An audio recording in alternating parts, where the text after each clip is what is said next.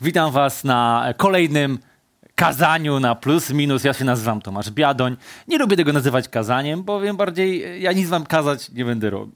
Nic ja Wam nie będę kazać, nic robić, a raczej będę e, mówił dzisiaj o pewnym e, zjawisku. I właśnie e, chciałem zawsze powiedzieć kazanie na temat kobiet. Chociaż może lepsza była kobieta do tego, ale stwierdziłem, że właśnie nie. Lepszy by był facet do tego, ponieważ jest parę powodów, do których dowiecie się na ten temat w trakcie tego e, wykładu. E, I chciałem to zachować może na Dzień Kobiet, ale znowu pomyślałem, nie, to jest takie sztampowe. Na Dzień Kobiet to kobieta, no i tam różyczki podamy i super, i wszyscy zadowoleni. I tak troszeczkę się ten temat kobiet traktuje w kościele i też wam powiem dlaczego. I tak ten dzisiejszy wykład może urazić parę osób, ale cóż, mam tą odwagę również, żeby to zrobić. Jezus mówił, żeby nastawić drugi policzek, a ja, ale najpierw ten cios trzeba przyjąć, prawda? Więc trzeba mieć odwagę do przyjęcia ciosu, żeby nastawić drugi policzek. Więc e, troszeczkę dzisiaj e, parę zjawisk w kościele in general skrytykuję. E, I e, tak będą osoby, które będą tym urażone ze względu na swoje przekonania. Ja te przekonania szanuję, ale też apeluję o e, przekonań moich szacunek, tak? Dlatego e, po prostu jest to moja interpretacja, moje, e, że tak powiem, osobiste przemyślenia. Ex katedra to nie jest. Ja słuchajcie, tutaj tylko sprzątam e, w kościele, że tak powiem, jestem diakonem, nawet nie jestem ordynowany na pastora, więc tym bardziej nie jest to żadna ex katedra. I mam nadzieję, że wszyscy dobrze mnie zrozumieją, a ja powierzę się teraz Bogu i możecie się dołożyć do tej modlitwy. Panie Boże, proszę Cię o poprowadzenie mnie e, w tych słowach, żebym przegadał to e, e, odważnie, ale też mądrze, żeby to miało odpowiednie Twoją, wykonało odpowiednią Twoją pracę. Powierzam swój umysł, swoje usta Tobie. W imieniu Jezusa. Amen. Dobrze. Moi drodzy, kim jest Bóg? Twórcą. A czym, kim jest jest? Bóg. Albo inaczej, jaki płci jest Bóg? Zastanawialiście się, jaki płci jest Bóg? Nie ma płci? A Jezus jaki był płci? Mężczyzną, no właśnie. I stąd e, bierze się nasz obraz Boga jako mężczyzny. To jest bardzo oczywiste. Ale jak się stanowimy nad istotą Boga e, i wrócimy do, w ogóle nie wiem, czy wiecie, w Księdze Rodzaju są dwa opisy stworzenia – i one są ze sobą troszeczkę sprzeczne. I w tym drugim opisie stworzenia jest napisane, że Bóg stworzył człowieka na swój obraz. Jako mężczyznę i kobietę stworzył ich. I mówi tam, że stworzył Adama jako pierwszego, tylko wręcz wymienia, że stworzył ich jako kobietę i mężczyznę. To był od początku zamysł Boga, to nie był jakiś wiecie, skutek tego, że Adam poczuł się w pewnym momencie samotny i sobie zażyczył e, kobietę i to jest tylko jego jakiś rodzaj jego życzenia, tylko jest to od początku plan Boga, żeby stworzyć mężczyznę i kobietę jako człowieka. I nie ma tutaj żadnej, ale to żadnej nierówności i żadnej też kolejności. I teraz tak, mamy prawo powiedzieć w pełni, że żyjemy w świecie, który ma taki ustrój patriarchalny czyli światem rządzą mężczyźni. Większość przywódców współczesnego świata to są mężczyźni. E, większość prezesów dużych korporacji, firm to są mężczyźni. Większość wynalazków, e, którzy gdzieś tam mają opatentowane, są to mężczyźni. Generalnie mężczyźni mają największy wpływ na ten świat.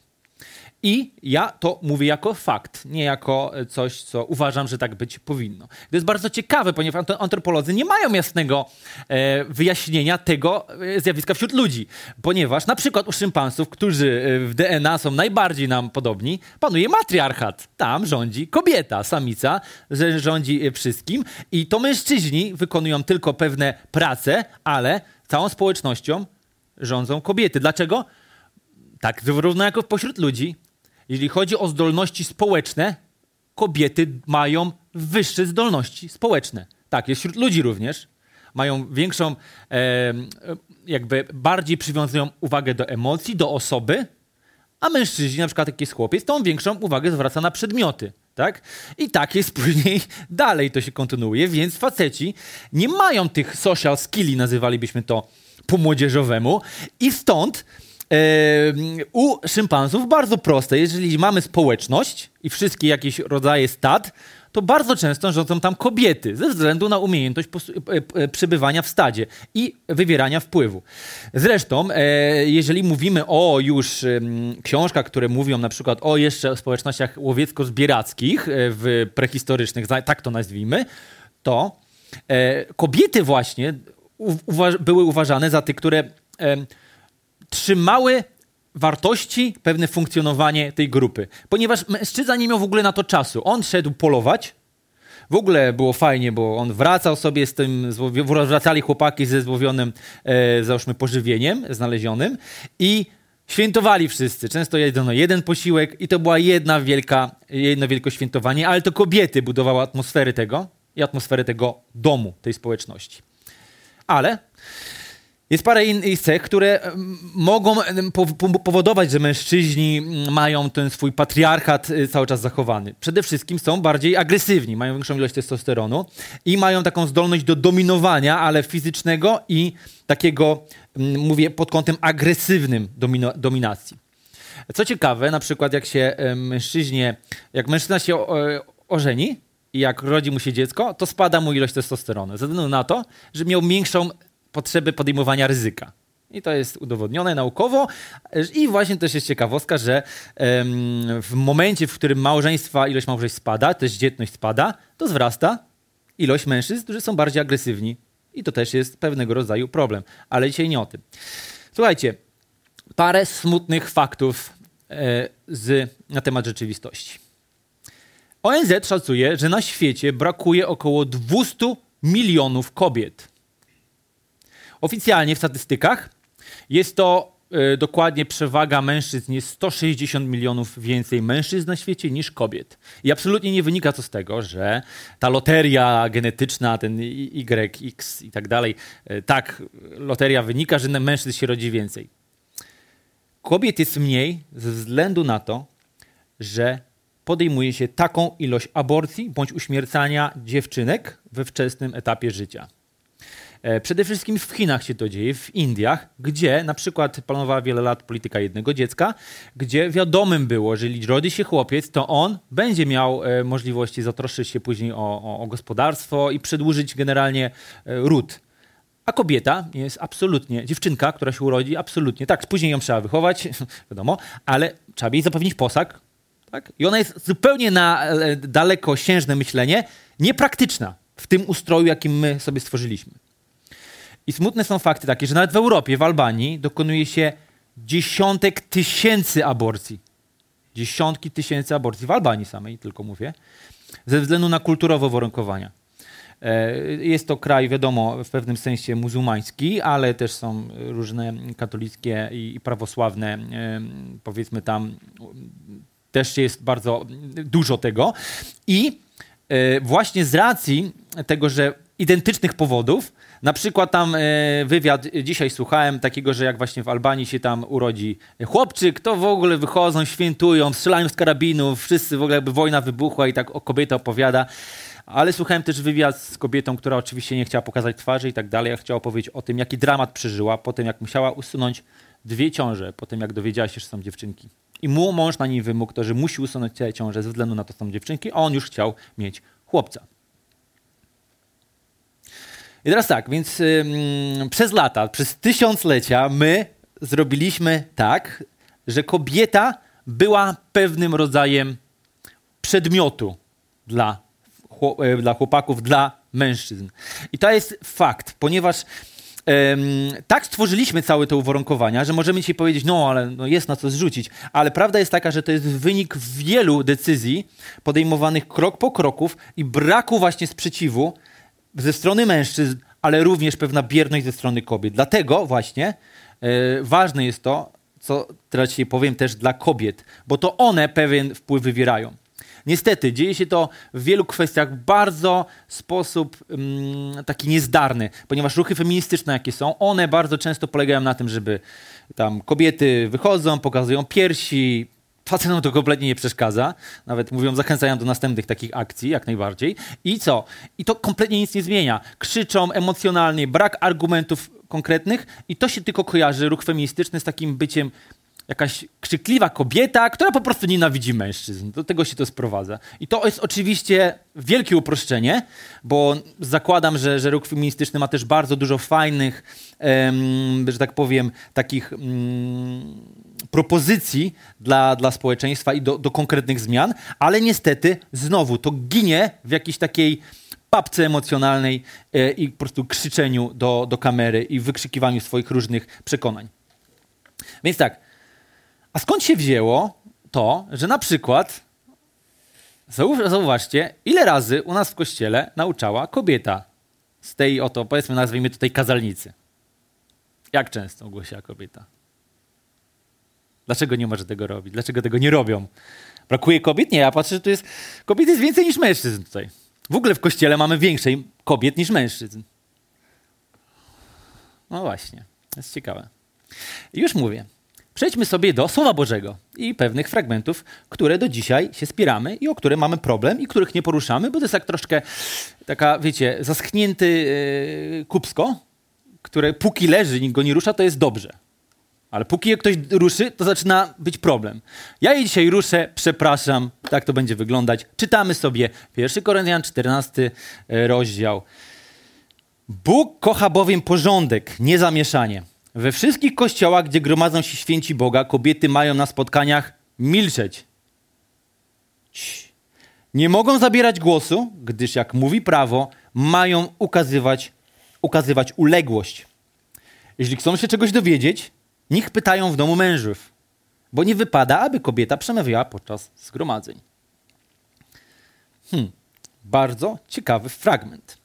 Kobiety mają milczeć. Ja już słyszałem parę kobiet się tu odezwało na tym spotkaniu, co już wskazuje na to, że my, e, że tak powiem, nie przestrzegamy w pełni tego fragmentu, ale on jest na tyle mocny, że wolimy, aby na przykład kazalnica została takim e, dla mężczyzn stanowiskiem. Przypadkiem, że kobiety się nie dobrały.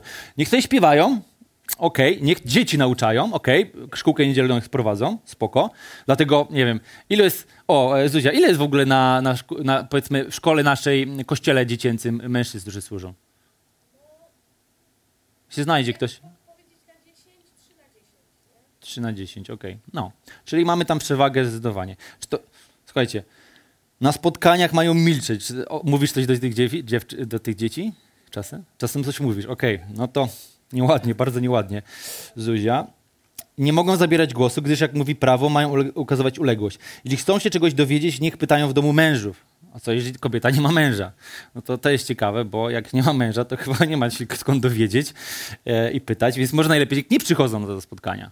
Czekamy, aż się kobieta ożeni wtedy najlepiej może, żeby przyszła na to spotkanie i, albo nie wiem, może online to jest jakieś rozwiązanie, online jest jak najbardziej dobrym rozwiązaniem, bo przecież nie jest oficjalnie na tym spotkaniu, tylko tam korzysta, ale może sobie milczeć i może, nie wiem, na jakimś forum później dla kobiet sobie e, zapytać. No ale też kobiety dopuszczamy do tego, żeby nauczały wśród innych kobiet. To też jest spoko. I nagle uważam, że to nie jest aż takie zgromadzenie, bo nie ma tam mężczyzn, więc w sumie może nauczać, tak? Więc śpiewanie, szkółka niedzielna, tak to nazwijmy, nie, nie lubimy tutaj tego określenia, bo mówimy, że kościół dziecięcy, tak? Bo to też jest kościół, to są konkretni ludzie, tak? Dzieci to są ludzie, tak? Dzieci to jest pełnowartościowy członek naszej społeczności, tak samo jak każdy dorosły. Ja tak uważam i też tak uważamy.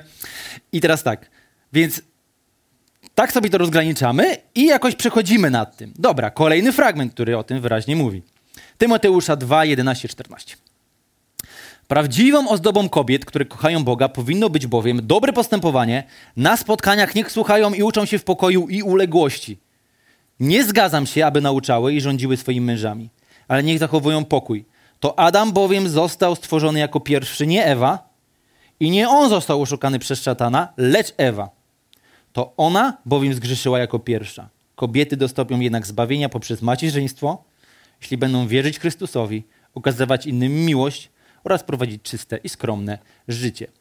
I ten fragment już jest jak najbardziej, e, ma, ma swoje takie fajne elementy, ale ma też elementy chociażby, e, ten, mówiłem o tym drugim opisie stworzenia, że tam nie ma tego rozróżnienia na to, kto był stworzony jako pierwszy. Nie ma tego ewidentnie nawet komentator, bo to jest taki rodzaj komentarzu, że tam jest po prostu stworzenie człowieka, to jest jako kobietę i mężczyznę. Jako sobie równych. Ale tutaj Paweł się odnosi do y, Tymoteusza, swojego ucznia. O, odwołuje się do tego pierwszego był. Najpierw był Adam, później była Ewa. Ona z niego, tak? To Ewa pierwsza zgrzeszyła, więc ona jest gorsza, więc shame on you, Ewa. Do końca teraz wszechświata kobiety będą ze na to przez ciebie cierpieć, bo ty byłaś pierwsza, która się dałaś skusić. No i zbawienia dostąpisz przez macierzyństwo, tak? I to też jest bardzo ciekawe e, stwierdzenie, bo jest bardzo, ale to bardzo nieuniwersalne. No wiadomo, szereg kobiet nie chce mieć dzieci albo nie może mieć dzieci nawet, więc tym bardziej e, może tego zbawienia nie dostąpią. No ale tam jest mowa o pokoju i tak dalej. I słuchajcie, bardzo ciekawe, ponieważ w jaki sposób my jako społeczeństwa też ewoluowaliśmy, też jako Kościół. Myślę, że bardzo konkretnie. E, jak myślicie, w którym roku w Polsce kobieta ma prawa wyborcze?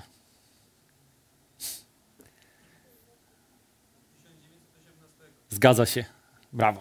Brawo. 1918 rok.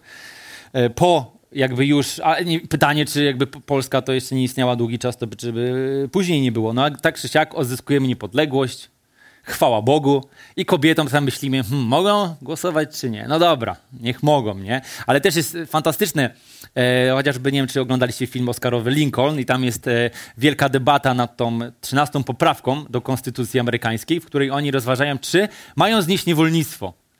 Czy tych czarnych można pozwolić im być wolnymi ludźmi. No i tam właśnie mówią, no i co jeżeli ich uwolnimy? Co się stanie, jak uwolnimy tych ludzi i będą wolni? Zniesiemy niewolnictwo i tam ktoś krzyczy będą wolni, tyle się stanie, that's it. No ale mówi, ale co następne? Prawa wyborcze dla kobiet? I wszyscy, o nie! Naprawdę, to były realne dyskusje jeszcze e, ponad 100 lat temu. Dzisiaj nie do pomyślenia, jak to prawa wyborcze dla kobiet nie mogą istnieć. No, no, no weźcie, weźcie puknij w łeb.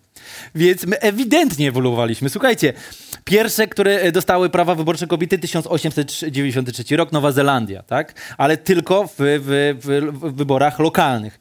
Na przykład może was zaciekawić, ale e, Francja to jest dopiero 1944 rok. Francja, taki, liber, wiecie, taki liberalny kraj. 1944 rok, dopiero jak tam wojna się kończyła, Amerykanie już wylądowali, to zaczęły być rozważane. Dobra, dajmy im prawo wyborcze. Więc słuchajcie, jest wiele krajów na świecie, które wciąż nie dały praw wyborczych kobietom.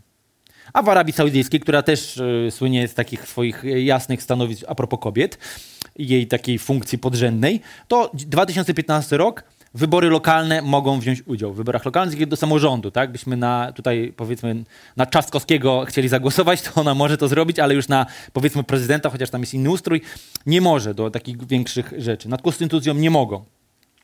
Prawo jazdy ostatnio zrobiła jakaś kobieta pierwsza z Arabii Saudyjskiej i też było bardzo, bardzo to szeroko komentowane. No ale wyobraźcie sobie, że żyjecie w kraju dzisiaj, w którym nie możecie, drogie panie, z- zrobić prawa jazdy. Tak? Nie możecie tego po prostu nie, ma, nie macie takiego prawa.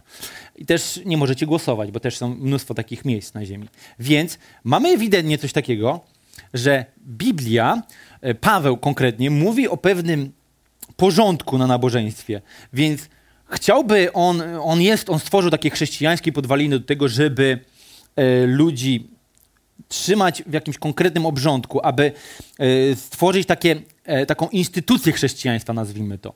I tam on konkretnie wymienia różne urzędy, jak mają być funkcjonowane i tak dalej. Chociaż to jest też paradoksalne, bo jest mnóstwo kobiet wymienione, które sprawowały pewne urzędy w kościele, i które jak najbardziej się musiały związać z tym, że kobieta się musiała odezwać w trakcie tego, tego spotkania cokolwiek to znaczyło, ale chciałbym teraz skupić się na tym, jak w ogóle, ile jest takich postaci kobiecych bardzo ważnych dla, e, dla Biblii i w ogóle dlatego, jak to wszystko było ułożone. Nie wiem, Ewa oczywiście, tak? Sara, żona Abrahama, tak? Czyli, czyli ona, ona była tą, która wypełniła tą obietnicę. Hagar, tak? Służąca Sary, ona właśnie później e, urodziła Izmaela i e, to później z tego wzięli się tak naprawdę wszyscy Arabowie. Jest Rebeka, Rachela, Lea, Miriam, Debora, e, która była sędzią i prorokinią w Izraelu.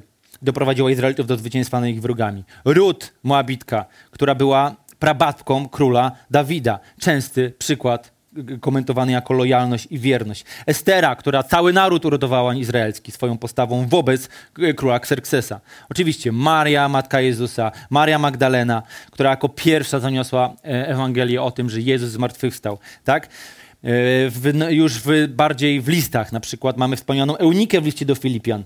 Apostoł Paweł na, nazywają pracownicą w Panu tak? I miała konkretną funkcję w kościele w Filipi. Mamy e, Tryfenę i to ona jest w liście do Rzymian wymieniona jako również pracownica w Panu, konkretnie, konkretnie zaangażowana w kościele. Chloe, która jest wymieniona jako osoba, która przekazywała do kościoła w Koryncie, możliwe, że to właśnie ona przekazała list Pawła e, Koryntianom, tak? Nie wiem, czy go przeczytała, możliwe, że go nie mogła przeczytać, tak? I tak dalej, i tak dalej. Mamy jeszcze Mamy jeszcze tutaj e, kilka przykładów. Na przykład e, e, jest wspomniana kobieta, która jest apostołem, która jest diakonisą, tak?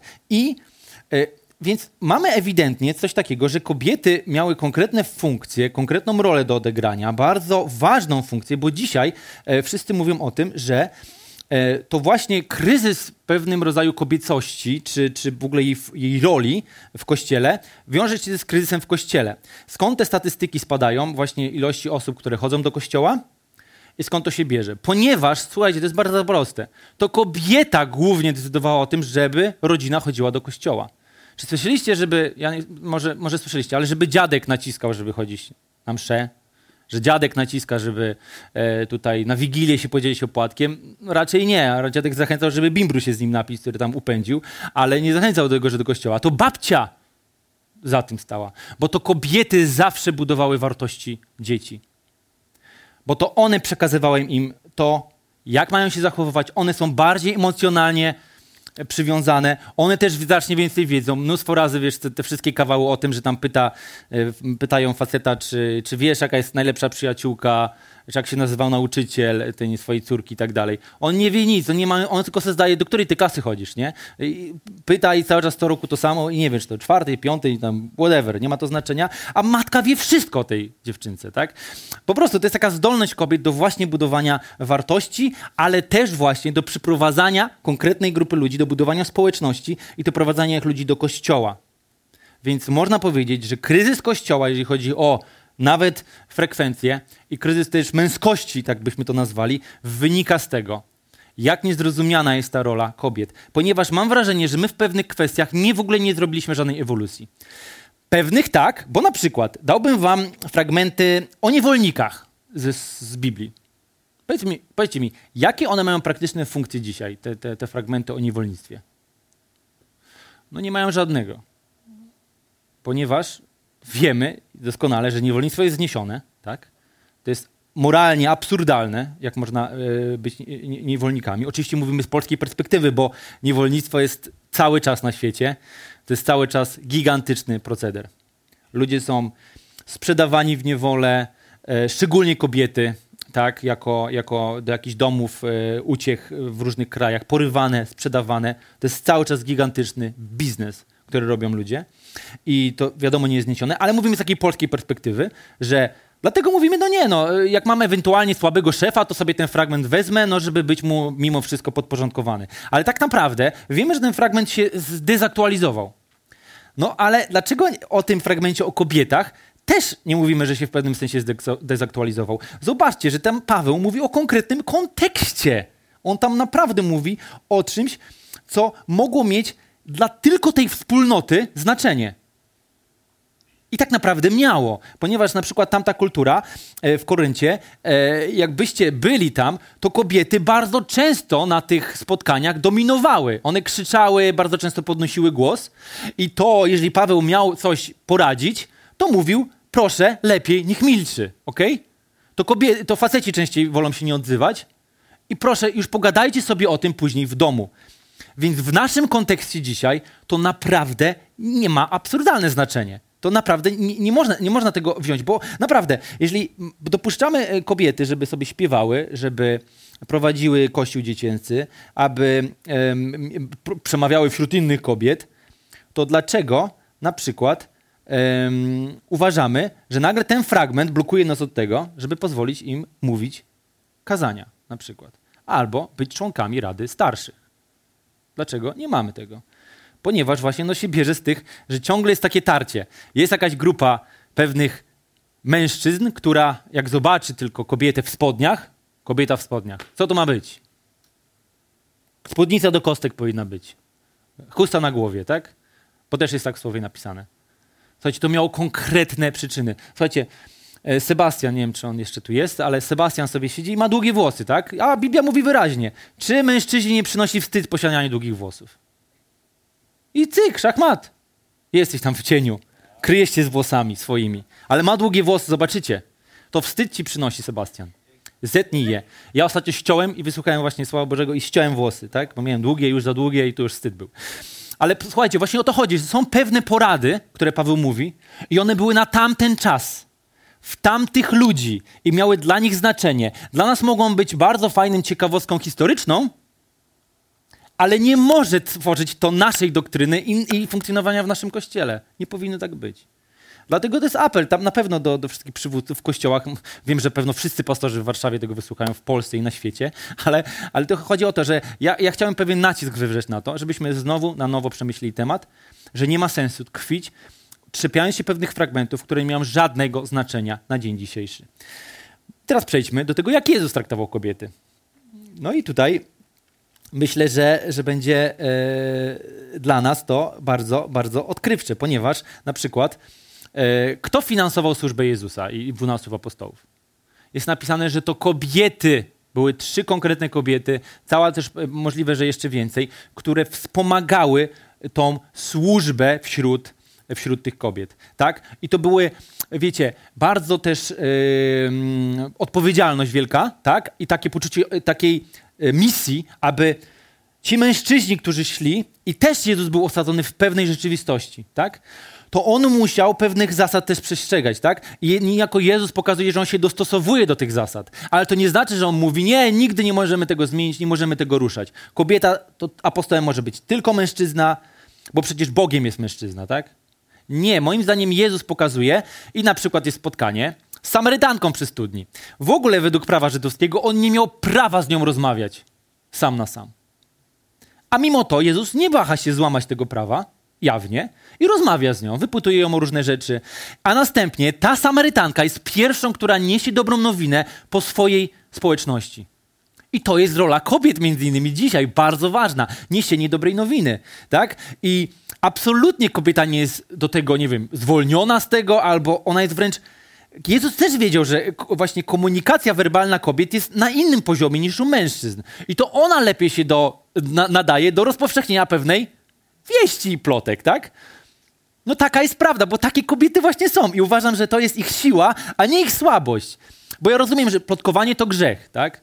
Ale tu nie mówimy o plotkowaniu. Tak, bo Ewangelia jest pewną plotką, tylko dobrą plotką. To jest dobra nowina, więc tak, plotkujmy o Ewangelii. Jak najwięcej, jak najbardziej. I tak, i to kobiety są bardziej często tymi, które powinny wziąć za to, to odpowiedzialność i my powinniśmy być tymi, którzy kobiety właśnie z racji swoich tych e, zdolności społecznych robią to również z forum Kościoła i tworzą ten Kościół również na pozycjach przywódczych. Takie jest moje zdanie, ponieważ to widać, jak Jezus, jak Jezus funkcjonował. Zresztą, oczywiście, mamy też. Dwie siostry, tak, które rozmawiałem z Jezusem, tak, jest to Maria i Marta i, i, on tam konkretnie daje też fajny przykład im, e, w jaki sposób słuchać, w jaki sposób zajmować się tym, co ważne w życiu, jak podejmować tą decyzję, bo jedna się troszczy o, o sprawy takie doczesne, a druga słucha nauczania Jezusa. I jak najbardziej tak samo Jezus nie powinien z nimi rozmawiać, tak? I e, jest, jest to, że właśnie Jezus, e, jak daje Marii Magdalenie szansę jako pierwsza kobieta, słuchajcie, on miał tych dwunastu uczniów i naprawdę mógł do nich pierwszych pójść, ale z jakiegoś powodu objawił się pierwszej Marii Magdalenie. Również z tego samego powodu prawdopodobnie. Ale tak czy siak pokazuje to, że Jezus ewidentnie wyrównuje tutaj szanse. On nie dzieli kobieta, mężczyzna. Wartościowy, bardziej, mniej wartościowa. Absolutnie nie. Paweł z pewnych przyczyn to robi. Troszeczkę tak jest, chociaż sam mówi w fermencie, nie masz już Greka, nie masz już Żyda, nie masz poganina yy, i tak dalej, tylko wszyscy jesteśmy, nie masz kobiety, mężczyzn, wszyscy jesteśmy równi w Chrystusie. I to też sam Paweł mówi, tylko zupełnie już w innym kontekście. Więc tam ewidentnie on wskazuje na to, że ta rola mężczyzn i kobiety jest bardzo w pewnym sensie w Kościele podobna i powinna też rola przywódca rozkładać się również bardzo e, na tym samym poziomie, tak?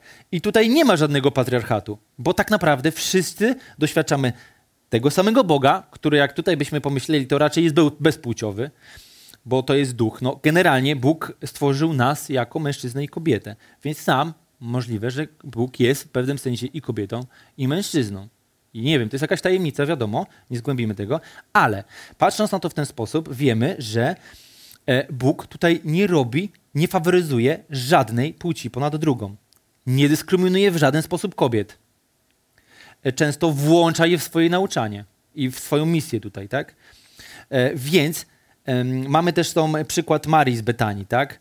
E, więc mamy tą osobę, która nam wlała ten cenny olejek. I to też jest wielka, wielka misja, która, którą ona przekazuje, że właśnie ona e, mimo tą wielkiej wartości ten olejek e, wylewa niby na darmo, to Jezus podkreśla właśnie też tą wagę tego, co On uczyni na krzyżu i dla nas i czym jest właśnie to. Jest to dzieło wielkie zbawienia. Słuchajcie, powinniśmy niejako zaczerpnąć jako chrześcijanie z innych dziedzin. Powinniśmy się rozejrzeć po świecie i pewne rzeczy e, przyswoić. Na tej zasadzie dam wam przykład. Ja jestem, byłem zawodowym pływakiem, więc dam wam przykład z pływania. Co jest tam, co zrewolucjonizowało, zrewolucjonizowało pływanie w pewnym sensie. Yy, yy, wrzućmy sobie tutaj to, to, to, ten fragment. Zobaczcie. Czy wam coś to mówi? Oczywiście, że nie. Ale generalnie ten człowiek na górze to Michael Phelps, i on zrewolucjonizował pływanie. Pobił największą ilość rekordów świata, e, najwięcej złotych medali Igrzysk Olimpijskich w historii w ogóle wszystkich dyscyplin. I zobaczcie, co on robi po nawrocie. Robi nielogiczny ruch, ponieważ bardzo logiczne było, że odbicie z nawrotu powinno odbyć się po linii prostej, tak? No bo płyniesz do przodu, to jest bardzo banalne. Płyniesz do przodu, więc interesuje cię, żeby się przebić jak najbardziej do przodu w tym tempie. On postanowił, że nawrót będzie robił zupełnie po skosie. Najpierw schodził na pewną głębokość i tam kontynuował pływanie, co było absurdalne. Ale on się dowiedział, że naprężenie wody na pierwszych pół metrach jest znacznie większy opór niż poniżej pół metra. I on skorzystał z zjawiska, które Fizycy znaleźli, nie trener pływania to odkrył, żaden, bo to nie jest naturalne. Uwierzcie mi, pływałem, to wcale tego aż tak nie czuć. Tylko odwołał się do fizyki. Wysłuchał tych fizyków i postanowił robić tak, jak oni przebadali. I wszyscy zaraz muszą robić tak nawroty, bo to ma jedynie sens, tak? I płynie te 16 metrów pod wodą e, i, i bite są kolejne rekordy świata. Więc Widzicie, że mm, pływanie skorzystało z innej dziedziny, żeby rozwinąć swoją dziedzinę. Tak samo my. Jeżeli jako ludzkość ewoluowaliśmy poprzez niewolnictwo do szanowania praw, podstawowych praw człowieka i wynaleźliśmy te prawa człowieka, to jest pewna ewolucja. Dopuściliśmy w końcu te kobiety, daliśmy im prawa wyborcze. Tak, to bardzo powoli idzie. Jesteśmy w tym mega, e, uważam, niezdarni, ale ewoluujmy dalej i wdrażajmy to do kościoła. E, bądźmy tymi, którzy ewidentnie na wszystkich tych e, poziomach traktują kobiety nie jako kogoś, kto robi te najbardziej podstawowe prace w kościele, tak? Bo tak często wygląda, nie? że jak kobieta ma zrobić coś małego, to spoko, ale jak coś dużego, to nie.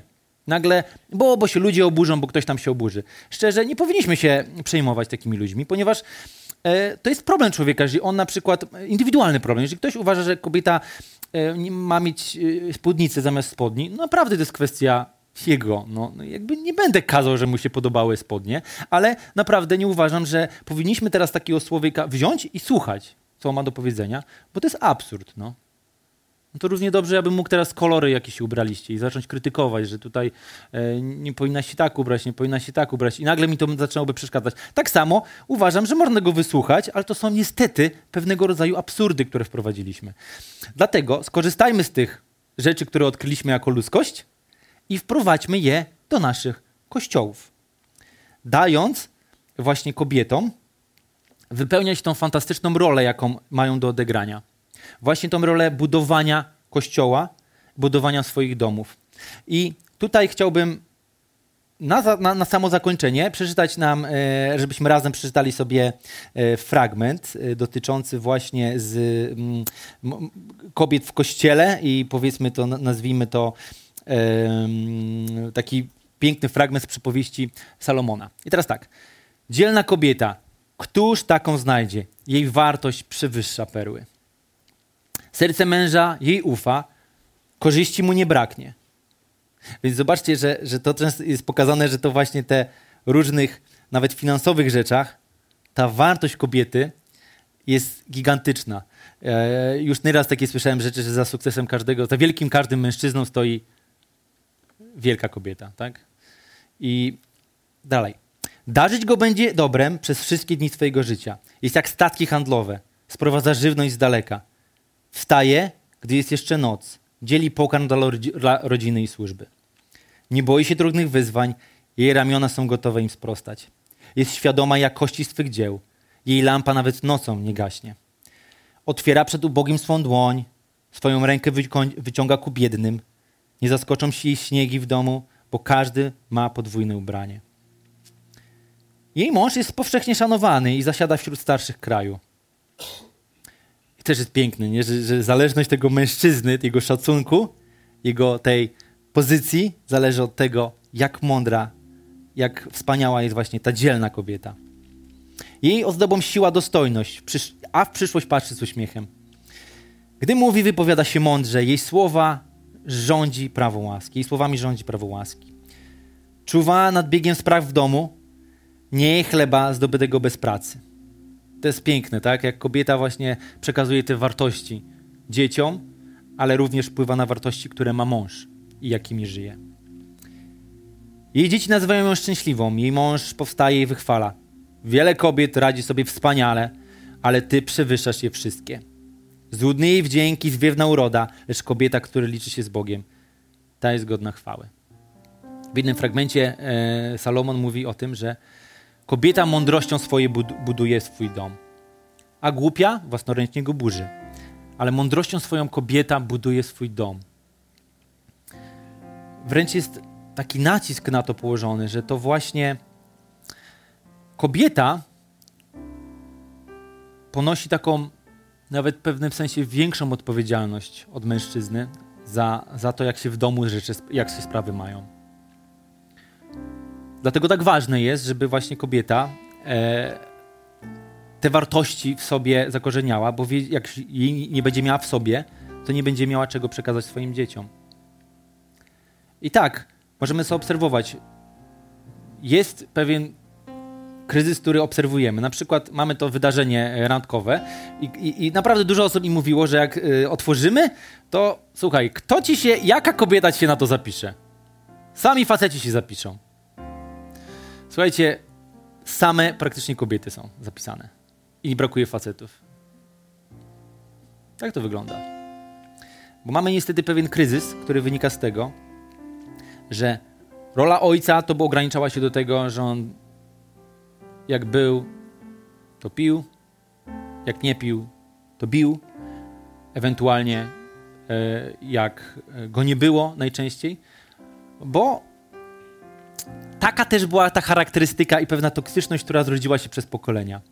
Faceci, którzy walczyli na wojnie o przetrwanie, świetnie sobie dali radę, ale wrócili i czuli się zagubieni.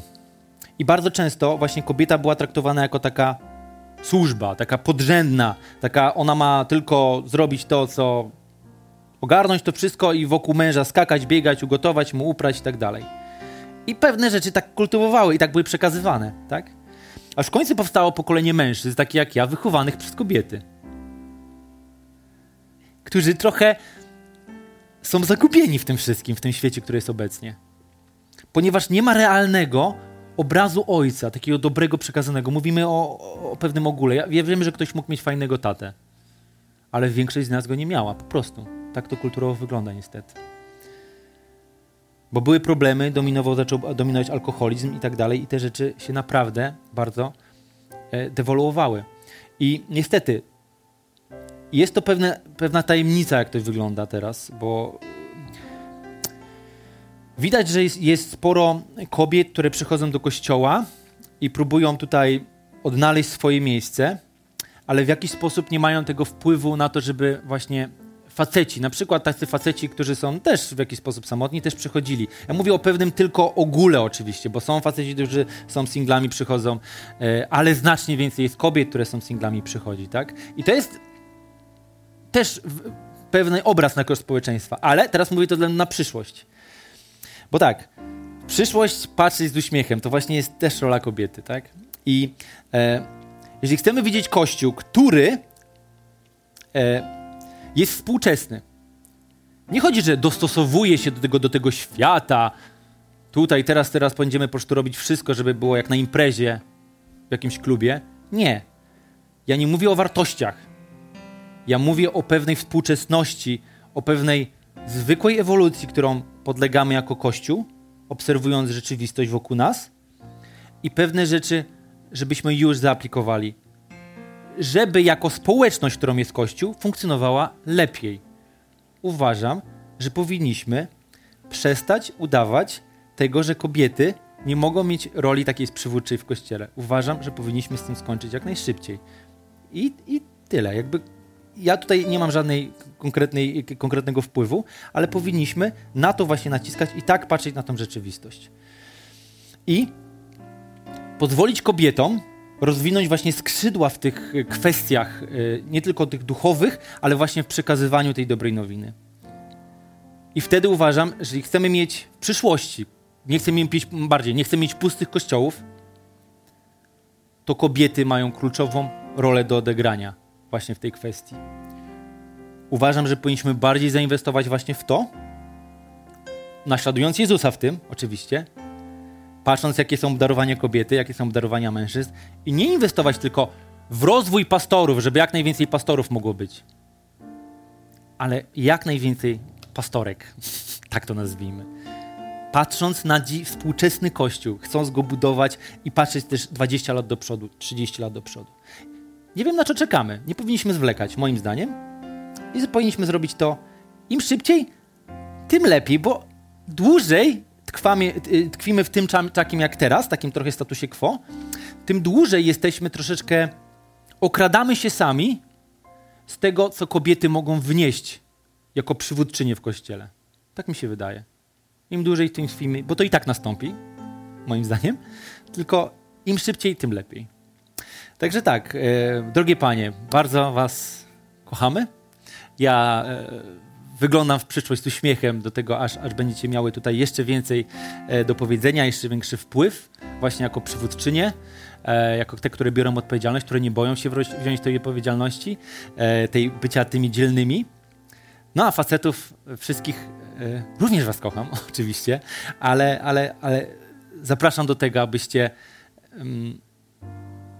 odrzucili te pewne elementy, które właśnie wynikają z, takiej, z takiego stereotypu mężczyzny, który jest silny w tym, jak podporządkowuje sobie kobietę, a kobieta, która jest taka uległa i tylko służy temu mężowi. Bo czasem taki, taki z Biblii można odnieść obraz, a obraz jest taki.